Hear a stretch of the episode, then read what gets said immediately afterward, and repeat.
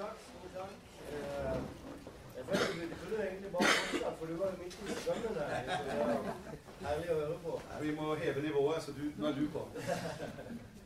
Ja, du, det, det, jeg må si det er veldig moro for å være her i Trondheim. Jeg har, ikke, jeg har nesten ikke vært i Trondheim uh, gjennom hele mitt liv. Jeg har kjørt igjennom noen ganger, men eh, liksom å være her Så det var veldig herlig. få- Jeg kom på torsdag, eh, og så har jeg fått vært her noen dager og sett litt grann på byen òg. Men eh, og det ble jo ikke ble kjent bare for drøyt halvt år siden. Lærte kjenne hverandre. Så, eh, så det har vært veldig herlig å, å lære kjenne Frank. Og Hører du ikke?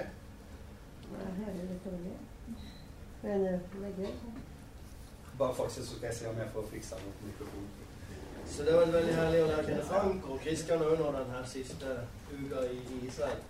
Um, jeg sa det på, på ungdomsmøtet i går at Frank går gjerne å forstå. Kristian vil være med. Han er så veldig sånn trønderdialekt og snakker veldig fort. Så uh, jeg hadde lunsj med han i går, så jeg sa, jeg sa det liksom Man får uh, Man forstår halvparten, og så gifter man resten. Nei da. Men det var, var veldig herlig. Så eh, takk for innbydelsen. Det er det, det, er egentlig det jeg vil si. Veldig kort om meg sjøl. For jeg, det er første gang jeg er her, så regner jeg med at det ikke er så veldig mange som kjenner meg. Jeg vet det var noen her som hadde gått bibelskole som jeg har undervist på. Eh, og så kjenner jeg faktisk Ole Gustav, som sitter lengst bak her. Jeg vet ikke om han, er- dere kjenner han, men jeg kjenner han. ja, Han kom fra Mandal. Eh, men eh, foruten det så, så er vel de fleste nye for hverandre. Jeg heter altså Roar Sørensen og kommer fra Mandal. Eh, er gift og har tre døtre. Vi har bodd eh, år, eller 20 år i utlandet totalt. Åtte år i Israel og tolv år i Sverige. Og kom tilbake til Norge for eh, tre-fire år siden. Så nå bor vi i Mandal igjen. Eh, og eh, mens jeg bodde i utlandet, da, så eh, i Sverige så jobba jeg for Livets Ord. Eh, leda de sitt Israel-arbeid i eh, totalt eh, 16-17 år. Eh, holdt på med reiser og kurser og eh, ja, ja, Alia holdt vi jo på med. Alia-arbeid. Eh, og forskjellige studiereiser, akademiske kurs. Eh, Utvikla kontakter med, med messianske jøder. Jeg hadde en bibelskole i Israel, i Jerusalem, i, i åtte år. eh, Som som jeg leder arbeidet med. Så eh, litt forskjellige saker som holdt på med der. Eh, og, og veldig stor privilegium må jeg si, å få bo i Israel da, eh, under disse åtte åra. Men under fire av de åra studerte jeg altså på Hebrew University. og så Da leste jeg jødisk sivilisasjon, fokus på jødisk historie, og israelsk politikk og, og samfunn. Så det er veldig kort eh, min bakgrunn. Yes.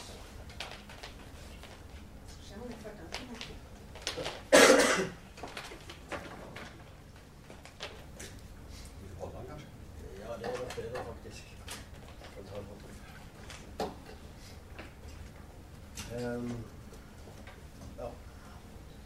Ok, så eh, her nå i eh, Nå er det ettermiddag blitt allerede. Så, så tenkte jeg faktisk å eh, gå inn på Wow. Så tenkte jeg å gå inn på eh, eh, det som har med faktisk ikke Altså Det bibelske, begynner med det bibelske, for det, det som Frank sa, det er alltid viktig. Vi må, alt som vi eh, gjør i forhold til Israel, må kunne bygges og baseres på Bibelen. Eh, men så, så er det jo sånn med Israel at det fins en politisk side til det hele. Og eh, om vi da skal kunne være troverdige i vår Israelstøtte, så må vi kunne si noen ting òg om det politiske. Eh, Jeg pleier å, å si det sånn iblant at vi må kunne argumentere for Israel uten å sitere Bibelen.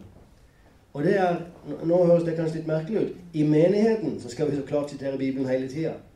Men når du snakker med folk utenfor menigheten, og det er jo der som kritikken er sterkest mot Israel, så, så aksepterer ikke de Bibelen som en autoritet, som Guds ord. Og, men da finnes det veldig masse andre argumenter som man kan bruke. Og jeg pleier å si det som sånn Man kan si hva Bibelen sier, uten å sitere Bibelen. Eh, Blant annet om vi snakker da om, om Israels rett til landet. Så jeg kan bruke historiske argument og folkerettslige argument for å bevise Israels rett til landet. Så det er litt av disse sakene som vi skal komme inn på. Eh, og før jeg gjør det, for det som er litt spesielt med Israel Og nå, nå skjønner jeg at her har jeg virkelig Israel-venner med meg. Eh, men det som er litt spesielt med Israel, at, at selve temaet kan bli veldig konfrontativt. Eh, for, fordi at eh, altså, Så fort man kommer inn på temaet, så er det noen som er skikkelig imot med en gang. Og selv i menigheten så er det veldig delte meninger om dette. Eh, så temaet kan være veldig konfrontativt. Mens kristendommen som sådan er kjærlighetsbudet. Sant? Så det går litt på tvers av, av, det som vi er vant med. Vi er vant til å omfavne folk, og plutselig så kommer det seg med Israel, og så støter du bort folk. Så på grunn av det, tror jeg, blant annet på grunn av det, så er det mange kristne som ikke går inn på temaet. For man føler det nesten ukristent. Men det er jo som, som Jesus det står, han kom med nåde, men han kommer med sannhet. Så vi må se til at vi har begge disse sidene med oss. Eh, når det gjelder Israel, så det der her med at det er konfrontativt, så går jo det tilbake til Jeg skal bare veldig kort eh, Første Mosebok 3. Eh, og der kan jo disse versene Når Gud snakker til slangen, så sier han fra nå av så skal det være strid mellom din sæd og kvinnens sæd. Jeg skal sette fiendskap mellom din sæd og kvinnens sæd. Han skal knuse ditt hode, men du skal knuse hans eh, hæl. Eh, så det som Gud gjør der, er faktisk at fra nå av så blir det krig. Jeg skal sette fiendskap. Så det er en krigserklæring. Og i den krigserklæringen så, så, sier altså Gud Han skal knuse ditt hode. Satan skal få sitt hode knust. Men du, slange, skal knuse hans hæl. Både kristne og jøder har sett dette verset, eller disse versene som messianske vers. De snakker om Messias. Okay? Eh, så ytterst sett så er det jo det det snakker om. Eh, at, Jesus til slutt kommer og knuser slangens hode. Eh, men det, det, er interessant at det sies hæl. Du skal hugge ham i hælen. Det kommer an på hvilken oversettelse du har. Hugge ham i hælen, knuse hans hæl. Men hva er hæl for noe? Nå, nå, hva er hæl på hebraisk? Nå, nå kommer hebraiskkunnskapene dine. Du kan det faktisk. Hvis du tenker litt gjennom Bare sånn skann gjennom Bibelen. Det fantes en mann, en, en, en, person, som fikk sitt navn fordi han holdt sin bror i hælen da han ble født. Jakob. Jakob, altså På hebraisk så er det jo sånn at du må si etter rota i ordet. Det fins som regel tre bokstaver som utgjør rota, og den står for betydningen. Så kan det legges til en bokstav først og en bokstav etterpå, til og med midt i. Men hva er rota? Rota i Jakob er Ekev, som er også eksakt hæl. Det syns jeg er interessant. Du skal hugge ham i hælen. Jakob, Frank nevnte det allerede, fikk senere et annet navn. Israel. Mm -hmm. Og han ble far til de tolv stammene. Så om det er én person i Gamletestamentet som du kan si eh, representerer hele folket, så er det på mange, på mange måter Jakob. Og derfor som jeg forstår det verset, og, og det er ikke bare ut ifra det verset, det er ut ifra hele sammenhengen i Gamletestamentet, så er det sånn at i denne kampen, når det settes fiendskap mellom kvinnens sæd og, og slangens sæd, så kommer Israel til å stå i frontlinja i den kampen. Hælen, Jakob, Israel. Eh, og hvis du kikker på historien, så er det eksakt det som har hendt. Du behøver ikke å, å liksom akseptere den tolkninga av det verset for å akseptere selve konklusjonen her. For det er bare å se gjennom hele Bibelen, så ser man at Israel står i den frontlinja. Fram til i dag så er det sånn. Det er jo en uproporsjonal eh, fokus på Israel i politikk, i media, i det internasjonale samfunnet. Israel står i frontlinjen fremdeles. Så det var, det var, det første jeg ville si. At denne her kampen fins, og Israel er der midt i det. Derfor blir det veldig konfrontativt. Eh, det andre saken er og eh, Jeg skal bare sitere det veldig fort, men i, Johan, i Jesajas 14 eh, 1432 eh, Johannes 14, nei, Johannes, Jesajas 14 snakker om dom. Det er en masse domsuttalelser over forskjellige nasjoner. Det begynner med dom over Babylon, og så er det dom over Lucifer, og så er det dom over filistrene. Og så kommer det her verset, og så fortsetter det med dom over Moab i neste kapittel, og dom over andre folk. Så masse dom, og så kommer det et vers midt i der. Og 1432, jeg sier 1432 sier altså Hva skal vi svare nasjonens sendebud? Og så kommer svaret. At Herren har bygget Sion, og der skal hans eh, forfulgte, hans undertrykte, finne tilflukt. Ok, så midt i det at det, at det finnes dom over nasjoner, så kommer det sendebud til Jerusalem. Og, og, og, så kommer spørsmålet hva skal vi si til dem for noe? Disse sendebudene som kommer fra nasjonene. Jo, si til dem at Herren har bygd Sion. Og der, altså Sion, Jerusalem, landet Israel, der skal de undertrykte, de, de, de betrykte av hans sitt folk, finne sin tilflukt. Så Gud ville, det Gud vil at nasjonene skal få vite, er det er meg faktisk som har bygd Sion. Det er så viktig for oss å forstå, for kristne spesielt. Det som hender i Israel, det er ikke bare noe vilkårlig, noe, noe tilfeldig som skjer. Det er at plutselig så har jødene samles. Det er Gud som bygger Sion.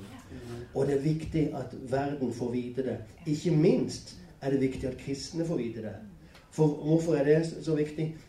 For vi kan faktisk, hvis vi ikke erkjenner det, hvis vi ikke ser at det er Gud som bygger Sion, så kan vi finne at vi som det står i, i apostelgjerningene Vokt dere at dere ikke må finnes stridende mot Gud. Det, det kan bli at vi havner der. Så, og det vil vi jo ikke. Det er ingen kristne som vil det. Men la meg si det også. For mange kristne har ingen, ingen Israel-engasjement. Jeg tror ikke det er fordi at de har noe imot Israel, ikke fordi at det er antisemitter. Definitivt. Det er ganske enkelt veldig ofte fordi det ikke har vært forkynnelse om Israel. Det mangler forkynnelse. Så eh, så det var liksom bare innledningen her til det som jeg nå skal si. Eh, til selve budskapet. Det fins en strid rundt Israel, men det er viktig at vi innser at det er Gud som er aktiv der nede. Nå har det jo flesteparten av dere vært der og har sett kan du si, Gud in action. liksom. Har sett hva som skjer der nede. Så, så da, da, er det mye enklere å formidle det her, for dere, dere veit hva jeg snakker om for noe. Um, det som jeg skal snakke om, er den pågående delegitimeringen av Israel. Altså delegitimering, underminering av Israel. Eh, det, det, vi har allerede nevnt visse deler, media og politikk og sånn som går imot Israel. på. Så, men det her er en sak som eh, pågår på veldig mange områder. Det er et budskap som, eh, som eh, er litt tungt, skal jeg si. Fordi, fordi det er så massivt, det her trykket mot Israel. Men jeg tror vi må kjenne til disse sakene om vi skal kunne be effektivt for Israel, og om vi skal kunne si noe godt om Israel til andre. Så delegitimeringen av Israel Nå er det som så eh, Jeg tar gjerne spørsmål underveis. Eh, hvis, du, hvis, det er noe som er uklart, noen ting som du lurer på, så er det bare å spørre.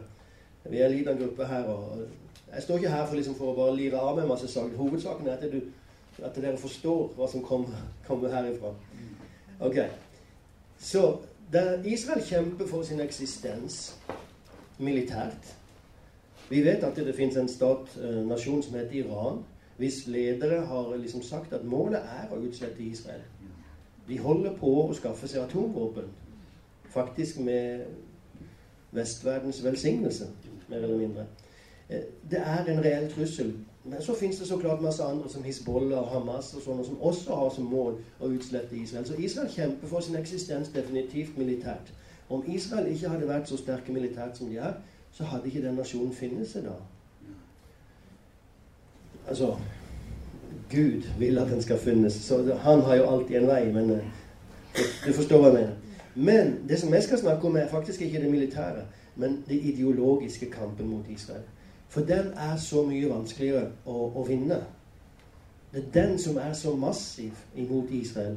Og du kommer til å forstå det ettersom vi går fram, hvor massiv den er. Jeg vil bare begynne med eh, en salme her. Salme 83. da kjenner den sikkert veldig godt. En sang, en salme av Asaf. Gud, hold deg ikke så stille. Vær ikke taus og vær ikke så rolig, Gud. For se, dine fiender raser, og de som hater deg, har løftet hodet. De har lagt listige råd mot ditt folk og sammensverget seg mot dem du bevarer. De har sagt, kom la oss utslette dem som folk, så ingen lenger vil minnes Israels navn. For de har sammensverget seg med ett sinn. Disse danner et forbund mot deg. Altså, jeg synes Det som, det som slår meg når jeg leser det her, det er at Gud snakker om seg sjøl og folket som samme sak. De, de danner et forbund mot deg, og så sammensverger de seg mot dem du bevarer, mot ditt folk. Og så kommer de tilbake igjen. De danner et forbund mot deg. Det, det står på samme linje. Folket og Om du kjemper mot folket, så kjemper du mot, mot Gud sjøl. Så det her går jo tilbake til gammeltestamentlig tid. ikke sant? Eh, men denne kampen har altså pågått hele tida. Og pågår fremdeles. Jesajas 5,20. Ved dem som kaller ondt for godt og godt for ondt, og dem som setter mørke i stedet for lys og lys i stedet for mørke. Dem som gjør bittert til søtt og søtt til bittert. Det her er hva vi kommer til å snakke mye om. For det er det som egentlig hender eh, i verden i dag. Man vender opp og ned på sannhet. Man kaller mørke for lys, og lys for mørke. Gjør bittert til søtt, og søtt til bittert. Ok.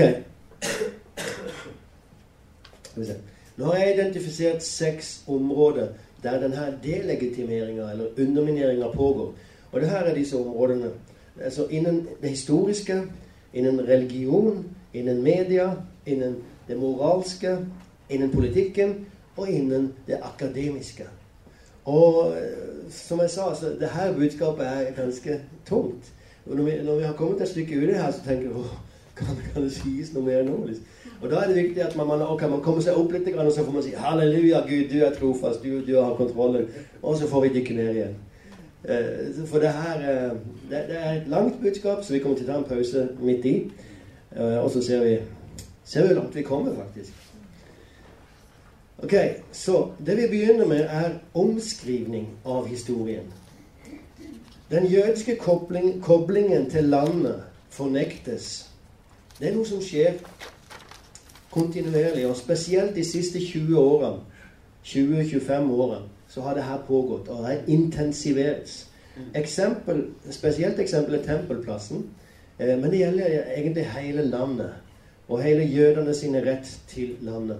Jeg skal gi deg eksempler på det her. Eh, så nå kommer det noen sitater fra ulike arabiske eh, talsmenn og representanter. Så her kommer da dr. Jamal Amar fra Birzeit-universitetet, altså i Ramallah. Han sier i Palestina, etter 60 år av utgravinger, har de ikke funnet noen ting. Ikke en vannmugge, ikke en mynt, ikke et leirkar, ingen bronsevåpen, ingen metallbit, absolutt ingenting av denne myten. For det er en myte og en løgn. All denne gravingen har ikke utelatt én kvadratmeter som ikke har blitt utgravd, og de har funnet absolutt ingenting. Altså, du, du har vært der så du bare ler. Men det fins de som ikke har vært der. Og, og, og liksom, da blir denne påstanden satt opp imot en annen påstand som sier vi har funnet det masse. Og så må, må, folk velge. Det som er interessant, er at det her er altså en doktor på universitetet det er ingen hvem som helst som sier dette her. Men det er jo interessant at, at, det som han gjør her, er jo egentlig Det ser ut som han har gått på Israel Museum i Jerusalem. Og, liksom det israelske museum. og så har han gått og sett hva de har funnet for noe, og så ramser han opp det. For det er det han gjør. Ingen vannmugger, ingen mynt, ingen leirkar, ingen bronsevåpen. Alt det der har de jo på utstilling. Så, så, det er ja, det er nesten interessant. Altså, men sånn våger man altså å si. Ganske utrolig. Kommer flere sitat. Jerusalems tidligere mufti Kramat Sabri. Det finnes ikke en eneste indikasjon på at et jødisk tempel har stått på denne plassen tidligere. I hele byen finnes det ikke en eneste sten som indikerer jødisk historie. Våre rettigheter er på den andre siden veldig tydelige. Så eh, og igjen, da. Du og meg, vi bare ler av det her. Men for en person som aldri har vært der, så, så blir det her en påstand som man må ta, ta alvorlig liksom, og sette opp imot en annen. Eh, jeg fortsetter med et sitat til fra en avis. Eh, Al-Hayat al-Jedida. 2017 er det her. De andre var litt eldre.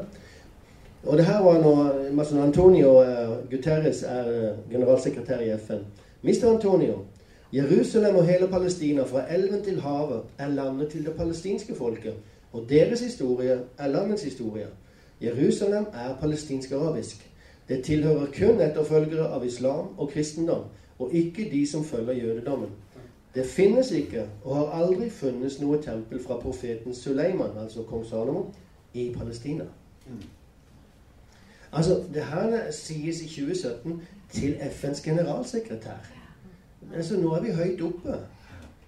Og, og, og liksom Man forsøker å, å komme med regelrette løgner. Um,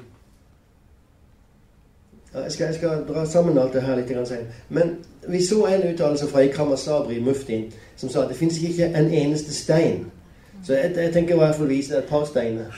Så, eh, men du, du, kan jo gå til Jerusalem, og nesten uansett hvor du graver hen, så finner du steiner som går tilbake til jødisk eh, aktivitet. Med masse hebraiske inskripsjoner på. Her kommer én. Denne steinen, sikkert de fleste har sett den, den ble funnet ved sørenden, sørvestre muren av tempelplassen.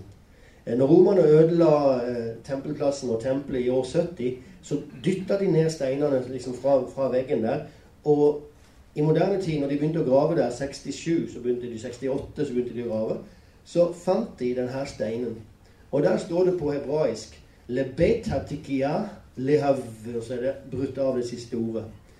Til plassen for trompetblåseren for å ad Og så mener man at det skal stå adskille. Okay?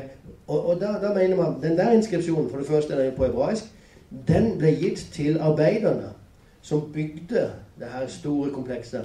Og så skulle, nå, nå, Her er den steinen som skal der som trompetblåseren skal stå. Okay? Han som skal atskille. Hva er det han skal atskille mellom? Jo, han skal atskille mellom hellig og vanlig. Med andre ord den steinen sto helt på det hjørnet som hadde sydvestre hjørne av tempelplassen. Når man står der i dag, så, så det er jo Al-Aqsa-moskeen rett ved siden av der. Men på Jesu tid, når man sto på det hjørnet, så sto man på uh, Ben Yehuda av i dag. ok? Man sto midt downtown. Jeg vet ikke hva som er downtown her for noe. Men uh, liksom midt i, midt i Karl Johan. ok? Så den trompetblåseren han sto på Karl Johan, og så blåste han trompeten på fredag ettermiddag for å avskille den. sa han nå begynner snart sabbaten, nå må dere pakke sammen. Fremdeles i Jerusalem så fins trompetblåseren. Sant? Det fins en sirene når sabbaten begynner. Eller 20 minutter før. Så det, det, denne tradisjonen fortsetter. Men der har du da liksom én stein. ok? Og så har vi Ja, der, just det. Der har du det selve hjørnet. Der på toppen, der sto han og blåste. Og så har vi masse av disse her. Hva, hva kalles det på norsk? En uh, forseiling? Forseiling. Et seil. Et seil, eksakt. Før i tida så, så, måtte man jo forsegle brevene. Takk skal du ha. Eh, man måtte forsegle brevene med, med en uh, leirklump, og så hadde man en ring da med sin, sitt navn på. Signet. Ja, signet. Så her da så har man funnet Gedalia ben Pashur sin forsegling altså, og Jehochal ben Shelemiyahu. Og begge to står omnevnt i Jeremia 38,1. Altså, de, de, de, holder på å grave. Det her er de i det som i dag kalles City of David, rett ut forbi bymuren. Eh, og så graver man, og så kommer man til det her nivået. du vet, Arkeologer de må jo grave seg gjennom en masse nivåer for å komme til rett så, uh, datering. Så, så vet, nå er vi på Jeremias i tid. Og så graver de der, og så finner de disse her. Og så åpner man Bibelen, og så ser man de der. Altså, det er bare helt utrolig. Eh, sammen med den her blir det enda bedre. Tilhører Hiskia, sønn av Ahas, konge av Juda. Og da finner kong Hiskias sin, sitt seil. Altså, da, da begynner du virkelig å ta pulsen på Bibelen. Det her fant de bare for noen få år siden, tre-fire år siden. Eh, og det var ved Sørmuren. Eh, for de som ikke er godt kjent. Ved sør Sørmuren. Og så fant man òg denne her. Jesaja, profeten. Altså, saken er her, du ser den er, den er brutt av. Så det står Jesaja, på hebraisk er Jesaja Yeshayahu. Og så står det Hanav. Og så burde det stått i. Navi er profet. Det mangler en bokstav, og det er en alef. Men man er ganske sikker på, man kan være 90% sikker på at det her var profeten Jesaja sin, sitt seil. Så ehm, ja. Arkeologi beviser virkelig at uh, At det fins en jødisk eh, fortid der. Og det er klart, Dere vet jo det her, men vi faktisk i dag behøver vi også si det her til folk som, som eh, bare blir dratt med i den her bølgen av at jødene ikke har noen kobling til landet. Eh, jeg skal fortelle en historie om to amerikanske jenter. De var i begynnelsen av 20-åra. De kom til Jerusalem. Og Det var ikke vi som traff dem sjøl, men hørte historien fortalt. De tok en taxi. Og um, Så Taxisjåføren så at de var litt uh, lost. De liksom kunne ikke så mye. Så når han, han skulle ta dem til Vestmuren Og for å komme til Vestmuren så kjører man da rundt på, på østre sida. Så da kommer de forbi Getsemane.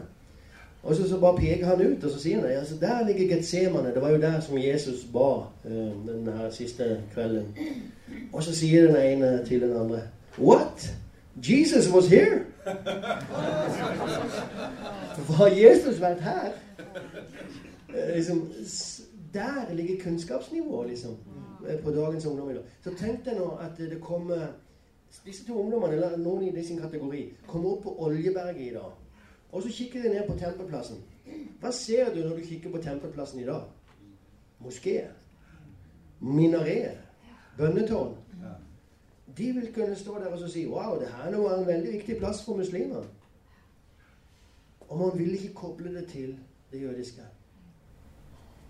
Vi er der. Og derfor så behøver vi bare ha litt grunnleggende kunnskap. Så disse her tingene her, de bare liksom, Alle de der argumentene bare faller. Hvis du sier de har faktisk funnet Hiskias sitt seil. Ok. Så omskrivning av historien, det, det er det vi snakker om. Eh, jeg synes Et eksempel til som jeg syns jeg liker veldig bra, er her. Eh, jeg vet ikke om dere hørte det at på ja, Det var ca. 99 så begynte det her.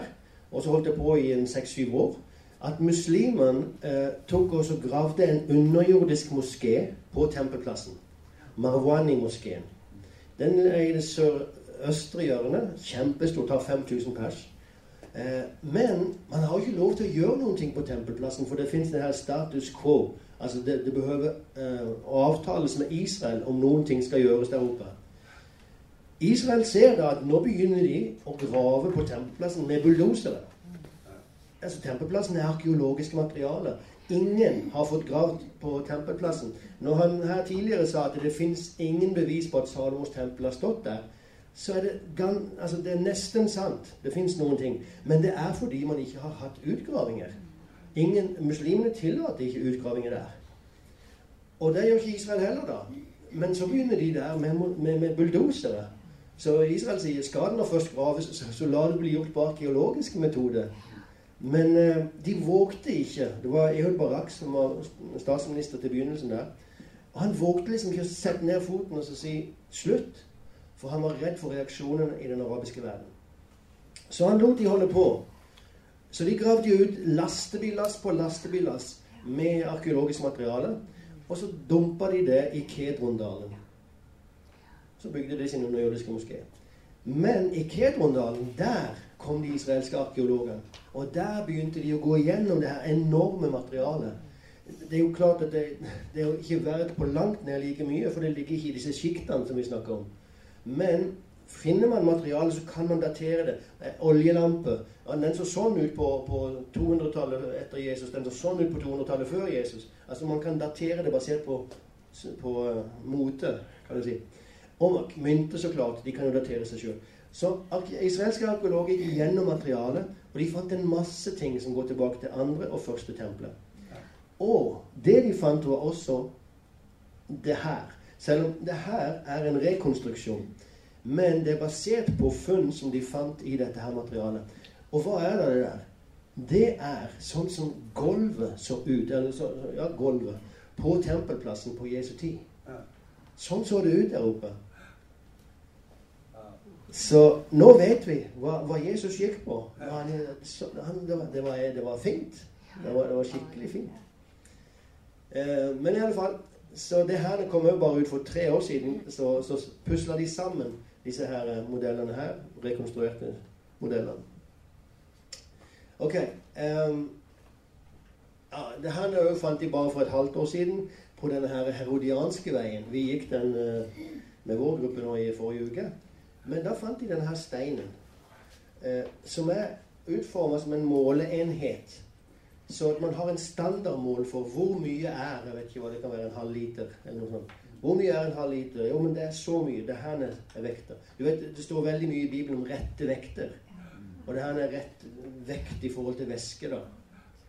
Så eh, man fant det her på en plass man mener på eh, Han som hadde kontrollen over disse vektene på tempelplassen, befant seg der på Agora, liksom kaltes det på den tida.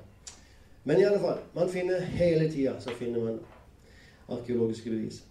La oss nå gå eh, tilbake til hva muslimene sa for 100 år siden. For det her med eh, omskrivning av historien er et nytt fenomen. Det var, har ikke alltid vært sånn. Her kommer en brosjyre som ble utgitt i 1930 av WAKF, som altså er den muslimske myndigheten på tempelplassen. Og de skriver Harams, altså tempelplassen, beliggenhet på plassen for Salomos tempel, er hevet over enhver tvil. Det er altså en brosjyre som de sjøl utgir.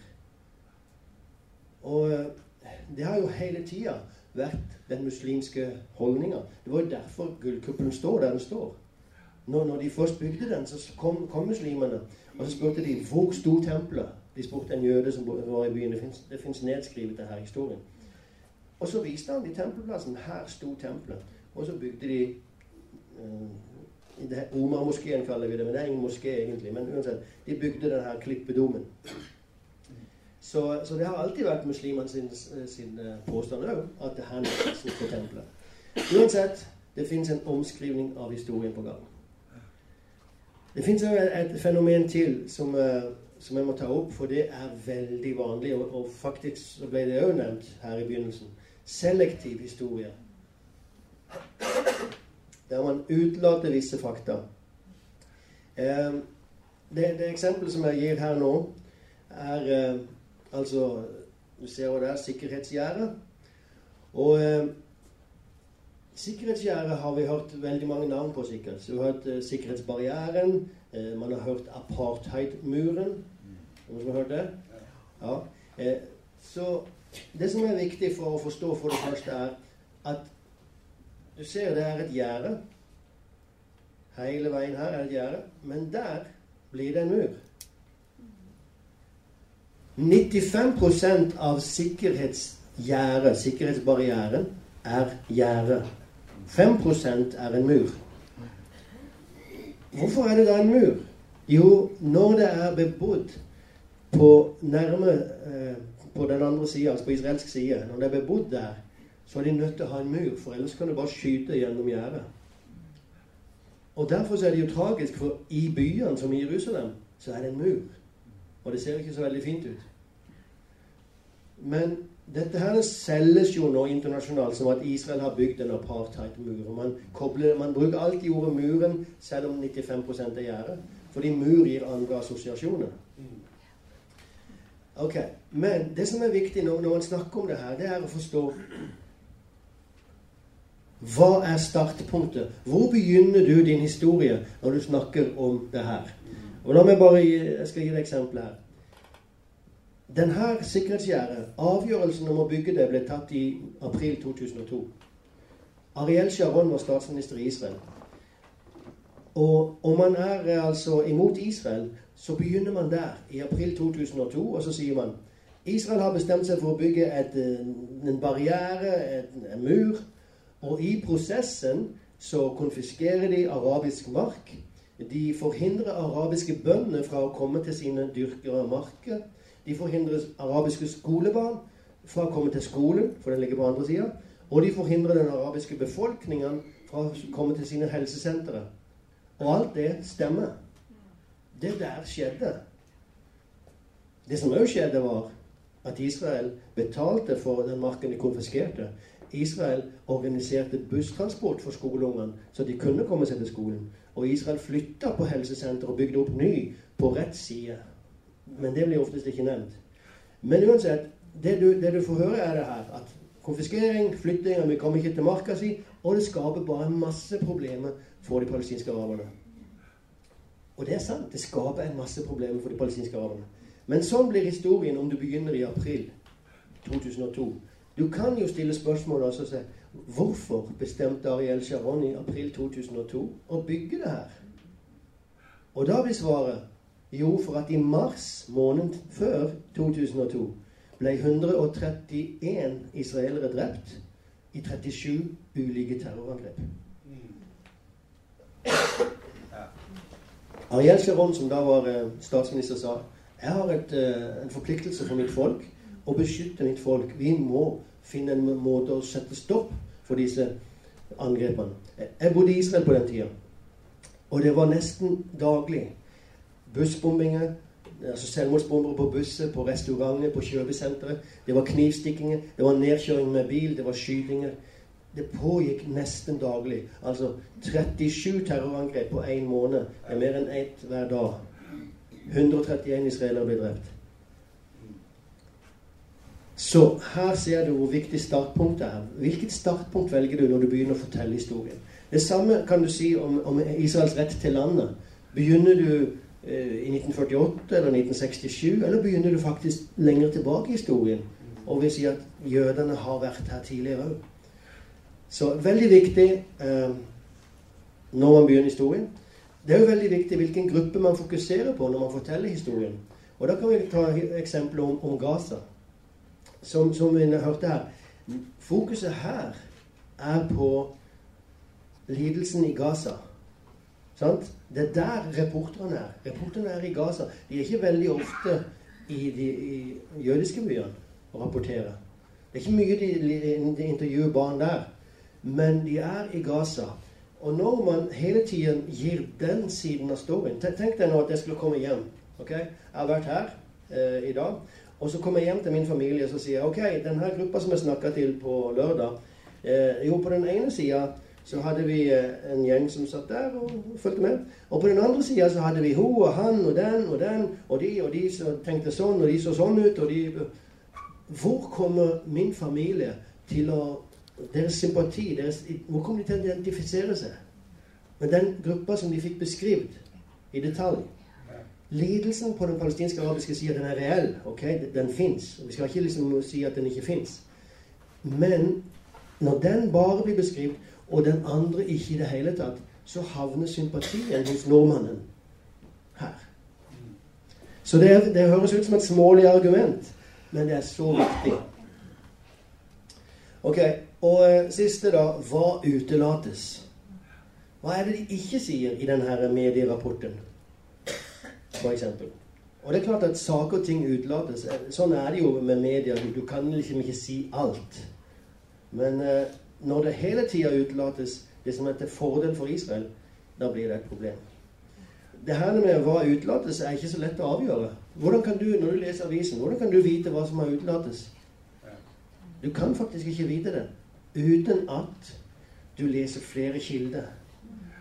Derfor ofte det spørsmålet hvilken avis eller hvilken kilde skal jeg lese for å få den beste rapporteringa fra Israel? Den fins ikke. Skal du lese den? Ja. Det kan nok. Er det MIF, eller? Ja. MIF er veldig bra. Veldig bra. Eh, men, eh, men, den er liksom ikke dagsoppdatert, sånn sett. Men eh, i alle fall om du vil få det fulle bildet, så behøver man å lese flere kilder. Kort og godt. Ok. Så ja, nå har vi da sett på det eksempelet sikkerhetsgjerdet. Da så eh, skal jeg si litt om hva det her har ledet til. Alle disse truslene. For, for ja, det som Israel sier, for å gå tilbake til det her Det som Israel sier om sikkerhetsgjerdet, er det er faktisk ikke vi som bygger sikkerhetsgjerdet, det er terroren. For vet du at fram til 2002 så fantes det inget sånt gjerde. Men da ble terroren bare for intensiv. Så det skaper en masse problem for den arabiske befolkninga. Men nøkkelen er faktisk i de sine egne hender. Hvis terroren opphører, så kan det her uh, gjerdet tas vekk. Det man ikke kan gjøre, er Hvis man ikke hadde bygd det her, så hadde masse liv gått tapt, og de livene kan aldri komme tilbake.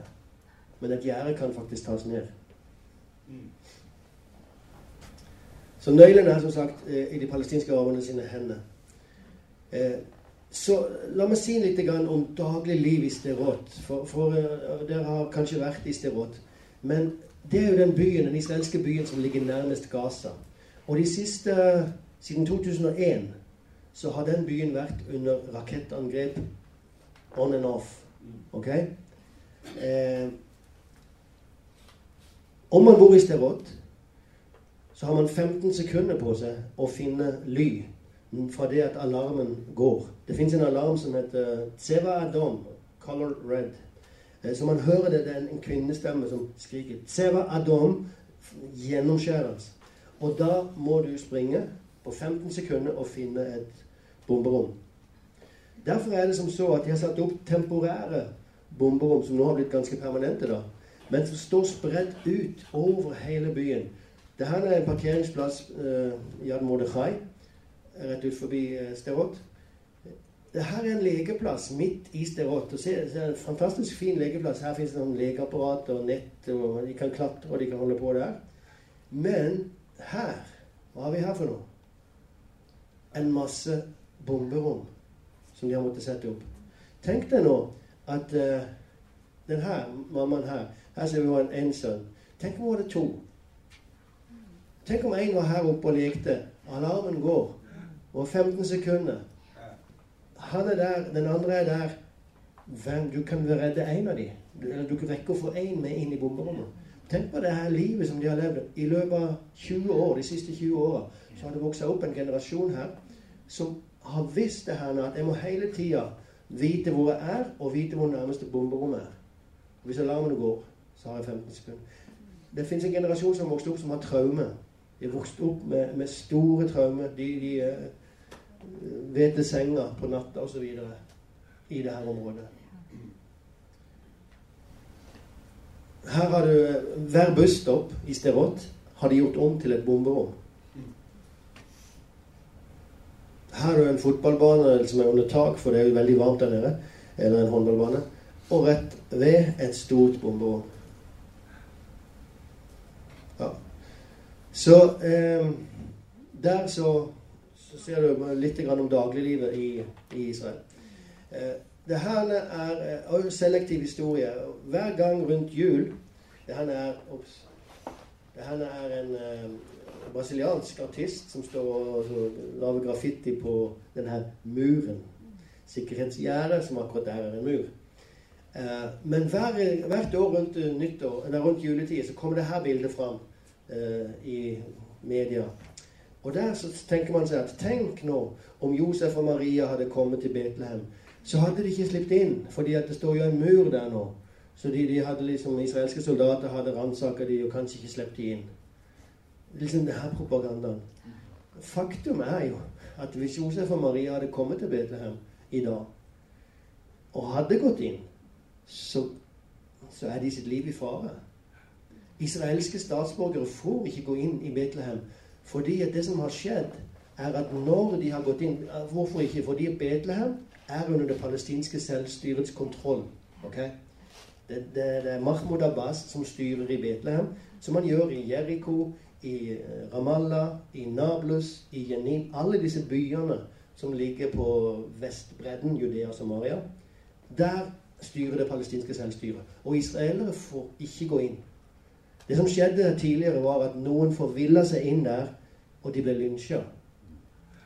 Så den sida får du ikke høre om Josef og Maria. For Josef og Maria var jøde. Og de hadde gått inn der, så var det en arabisk by, og de hadde risikert sine liv. Ignorering av historien eh, er òg veldig vanlig. For det fins det her uttrykket 'ja, men det er jo historie'. Har du hørt det? Ja, det er historie. Med andre ord irrelevant. Vet du hva? Det fins nesten ingenting som er så relevant som historie. La, la meg ta et, et lite eksempel nå. Det faktum at du sitter her nå, er et resultat av en historisk avgjørelse som du tok for noen par timer siden. Da du bestemte deg for å komme her til. Det, det er allerede en historisk avgjørelse. En liten avgjørelse i det store spillet. Men som et resultat av den avgjørelsen så kommer ditt liv til å være litt annerledes enn hva det hadde vært hvis ikke du hadde kommet. Og hele ditt liv er et resultat av masse sånne små avgjørelser.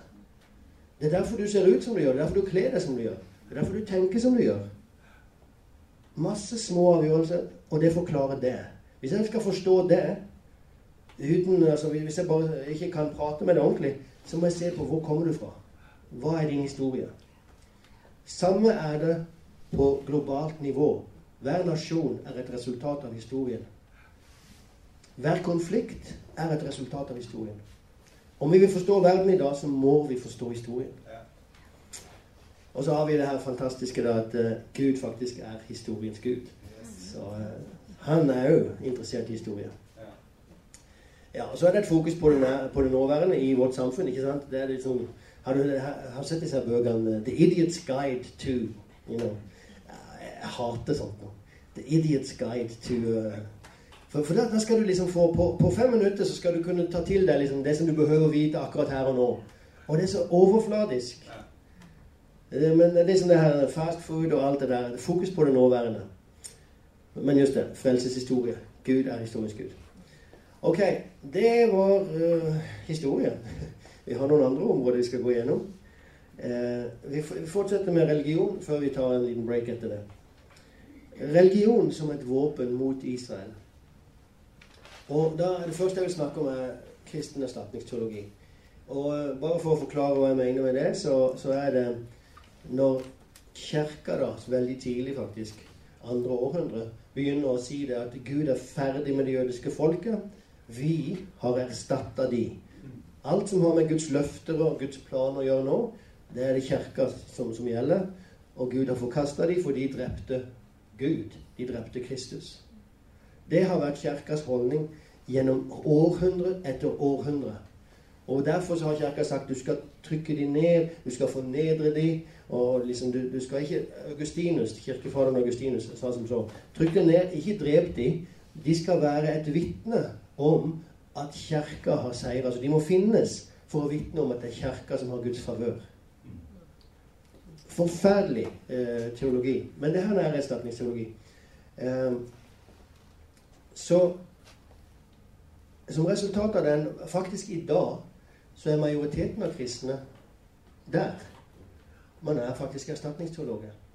Det som vi gjør her i dag, det er unntaket. Det fins mange som oss òg, men vi er faktisk minoriteten i Kristi kropp. Men uansett eh, For noen år siden, 2009 første gang, så kom det ut noe som kaltes for A Moment of Truth. Eh, og Det, var, det kalles for Kairos-dokumentet, som ble utgitt av eh, palestinske arabiske kristne, altså kristne i det palestinske selvstyret. Og da snakker vi i første omgang om de tradisjonelle kirkesamfunnene, ortodokse og, og katolske, men òg lutheranske. Det fantes visse frikirker som ikke var med på dette, men spesielt de tradisjonelle. Og de utga da her skriftet som de kalte 'A Moment of Truth'. Og der skriver de følgende Vi henstiller først og fremst til oss selv, og deretter til alle kirker og kristne i verden, i dette historiske dokumentet erklærer vi palestinske kristne at den militære okkupasjonen av vårt land er en synd mot Gud og mot menneskeheten, og at enhver teologi som legitimerer okkupasjonen, slett ikke er en kristen lære. Jeg skal gå tilbake til det. Ettersom sann kristen teologi er en teologi av kjærlighet og solidaritet med de undertrykte, et kall til rettferdighet og likhet blant mennesker. Vet du hva, Om jeg bare skulle ta denne delen Uh, sann kristen teologi er kjærlighet, solidaritet med de undertrykte. Kall til rettferdighet Yes, preach it, man. Men når det settes inn i den sammenhengen det gjøres, så blir det feil. For den sammenhengen er altså det her at den militære okkupasjonen av vårt land er en synd mot Gud. Jeg mener, da er, da er man veldig sterk i sin uttalelse.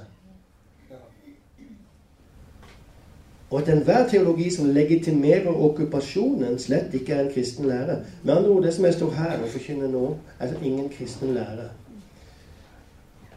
Jeg skal bare sitere et bibelvers for å få Jeg skal ta dere fra folkeslagene og samle dere fra alle landene, og jeg skal føre dere inn i palestinernes land. Nei, det står faktisk ikke det. Jeg skal føre dere inn i deres eget land. Og det her er ett vers, Esekiel 36, 24. Det står gang på gang på gang i Gamle Testamentet at jeg skal ta dere, jeg skal føre dere tilbake til deres eget land. Om Gud sier at det her landet er deres eget land, hvordan kan de si at det er en synd mot Gud at jøder finnes der? Det, det, det henger ikke Men der har man altså to helt verdener som krasjer med hverandre. To helt ulike forståelser av denne boka der erstatningsteologien tolker disse versene symbolsk. Etter å ha sagt alt det, og, og liksom reagert så kraftig mot, mot den der uh, moment of truth, la meg allikevel si at jeg anser disse eh, katolske og, og ortodokse som brødre og søstre. Vi står for helt forskjellig i synet om det teologiske synet på Israel. Men om de bekjenner Jesus Kristus som Herre, da er de mine brødre og søstre. Så vi må kunne liksom holde to tanker i hodet samtidig. Det, det, det, er veldig viktig at ikke vi havner liksom i en At vi finner stridende mot Gud pga. det. At vi fordømmer og, for, og liksom forkaster våre brødre og søstre. Nå går jeg ikke i detalj på hver og en, for jeg kan ikke svare for hver og en i katolske kirke. hver og en, Men stort sett, i det store bildet, bekjenner de Jesus Kristus som Herre, så er de mine brødre og søstre. Ok. Eh, så der, der, har vi altså kristen erstatningsteologi som har vært enormt innflytelsesrik. Men det fins en annen erstatningsteologi som faktisk er Om vi snakker om erstatningsteologi det her er erstatningsteologi. Muslimsk. Du kan bare se på den der plakaten der. Jesus, the prophet of Allah, uh, og Islam, the true religion. Islam hva, hva, sier egentlig islam? Jo, islam sier at uh, det stemmer jo at Gud talte til jødene i Det gamle testamentet. Men de korruperte Det gamle testamentet, så Gud var nødt til å sende en ny åpenbaring til de kristne gjennom Jesus. Det var Gud som talte til de kristne gjennom Jesus, men de òg korruperte Skriftene. Derfor er denne boka korrupert, og Gud var nødt til å sende the final revelation, den siste åpenbaringa, gjennom Muhammed. Og Muhammeds åpenbaring, Koranen, korrigerer denne boka. Så når, når, de, når, vi i dag kommer til muslimene og sier ja, men åssen kan du si liksom, her, den, den der storyen som står i Koranen, er jo henta herifra. Og her så står den faktisk ikke sånn. Det her er originalen. Da vil de si den boka har blitt korrupert. Islam er erstatningsteologien framfor noen, for den erstatter både kristendommen og jødedommen. Og så var de jo veldig smarte, da, om jeg skal si det sånn. For det, var, det ble sagt at det her er den endelige åpenbaringen. Så fra nå av så kan det ikke komme noen ting. Ingen kan si at vi har korrupert det. Så, men uansett, sånn ser islam på seg sjøl. Og Derfor så har vi det her, da. På den tida Yasser Arafat var leder for palestinske selvstyre, så kom den her ut. Jesus from Nazareth, Rex Palestinum. Kong, kong av Palestina. Ikke jødenes konge, men palestinernes konge.